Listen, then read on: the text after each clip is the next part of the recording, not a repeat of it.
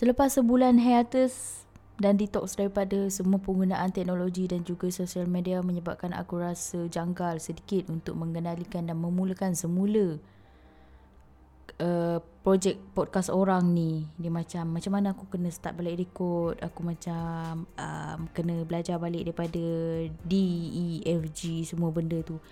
Assalamualaikum dan salam sejahtera. Selamat kembali kepada anda semua yang masih setia mendengar orang. Aku sangat berterima kasih kepada anda yang masih lagi bertanyakan kabar ketika aku uh, sepi hari tu walaupun tak ramai adalah seorang dua yang um, perasan lah tentang kehilangan tu uh, aku sangat terima kasih kepada korang terima kasih sebab tolong-tolong aku di zaman kegelapan tu sebentar Ya zaman gelap tu aku aku aku punyalah kata aku takkan pergi ke zaman tu tapi something happen dan menyebabkan aku ter ter ter ter ter ter terjebak dengan dunia kegelapan tu semula.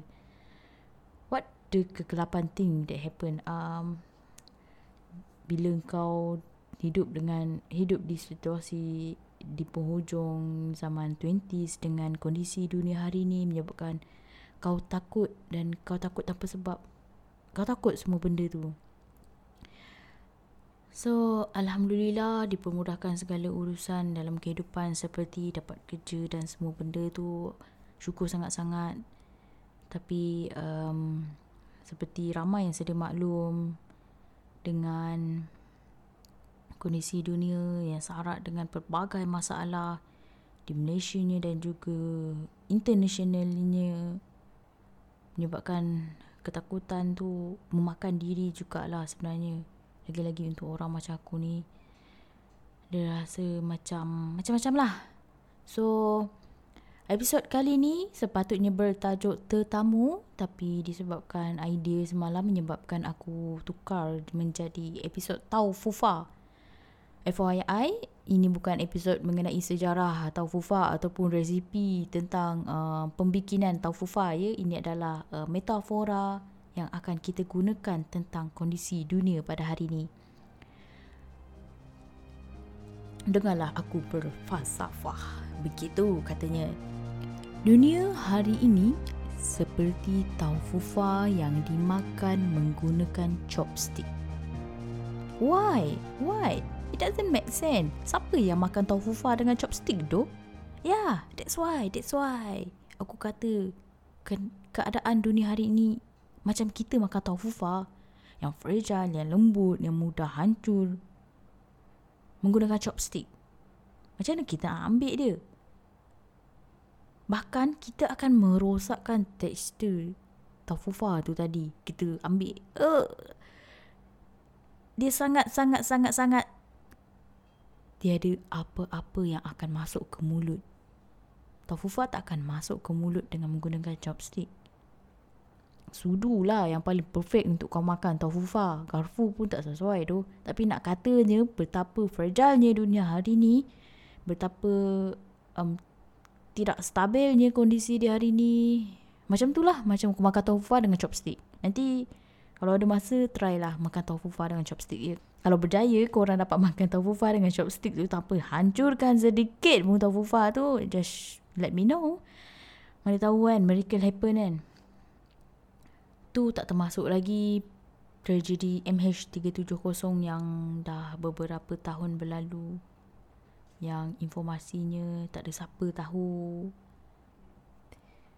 Aku ada seorang kawan hari tu sepanjang tempoh aku hiatus tu aku berjumpa dengan dia. Aku aku tak tahu the the relevant thing yang aku patut cerita atau kongsi macam mana. Macam aku kenal dengan dia walaupun kita classmate zaman diploma dulu bagi aku dia adalah Taufufa. Nampak nampak macam senang dibuat senang untuk dimakan tapi sebenarnya dia adalah um, something yang once broken consider museum. So aku just share kat sini siapa tahu tahu siapa tidak tidak. So korang bertuah sebab aku open up cerita ni dekat sini. Hmm, kita orang keep in touch balik dalam masa 3 hari dan something happen menyebabkan kita orang decide tak tahulah siapa punya decision. Tapi daripada sisi aku aku pilih untuk cut off lah that person. Sebab aku sebelum aku jadi manusia akan tinggalkan orang sebelum dia tinggalkan aku. So Walaupun dalam sistem kawan, aku akan letak semua guideline dan regulation lagi-lagi untuk kawan yang berlainan gender ni. So, terima atau tak, kalau orang tu boleh terima that rules and regulation, mungkin aku akan berkawan dengan dia. Kalau dia tak boleh terima, aku akan uh, aku akan terpaksa tinggalkan lah kan. For a good reason. Tapi itulah macam mana kan. Dan dan dan dan dan dan dan dan, dan tu juga menyebabkan aku nak faham dia semua benda tu aku terpaksa lah bersihkan otak bersihkan minda dan anggap dia taufufa. Dia dengan dunia hari ni sama kondisi. Cuma aku cuba untuk aku tak akan ubah shape dia daripada petak atau bulat ataupun apa jua bentuk menjadi seperti apa aku nak. Semua tu depend pada dia. Dan Aku jenis manusia akan di, uh, akan bagi lagu pada orang yang aku tak tahu aku nak cakap macam mana. Kalau aku jumpa lagu yang sesuai untuk situasi tu, aku akan bagilah pada manusia tu. Kawan-kawan aku mostly ada yang faham lah dengan perangai pelik macam tu. Tapi untuk orang yang tak kenal aku, dia anggap macam... Apa pasal kau bagi aku lagu? Ya, kau betul aku bagi kau lagu daripada aku tak bagi kau langsung. Um, aku rasa banyak sangat nonsense aku baby untuk episod kali ni is this episode just a short update of my life story. Uh, aku dah tukar tajuk daripada um, apa benda hashtag yang aku guna hashtag dark rising of nonsense apa semua. Sekarang aku tambah dia kepada mimpi paskabaya oleh cerita mimpi paskabaya oleh Sofiadi sebab satu hari nanti aku pun tak tahu ide aku dapat mana tahu. Pada masa akan datang aku akan jadi speaker bagi slot motivasi kan. Itulah yang diharapkan oleh uh, rakan kerja tempat aku kerja. Dan kalau tak ada arah melintang kemungkinan aku akan ambil second degree dalam bidang PR sebab aku rasa tak ayak kalau bagi ucapan tanpa sebarang kelayakan. So kepada kawan yang aku tendang job dia yang dia offer pada aku aku minta maaf sangat sangat sangat sangat sangat sebab aku sendiri tak dapat figure out my life. Even aku dah ditakut umur begini.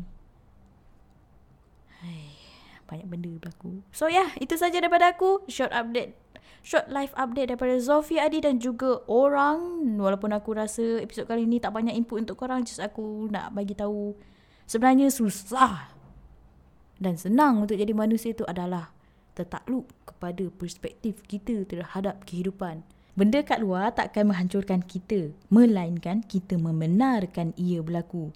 Dan sebagai seorang manusia yang mempunyai autoriti terhadap kehidupannya sendiri, kita berhak untuk ubah perspektif tentang apa yang sedang berlaku terhadap peristiwa-peristiwa luar daripada kawalan kita.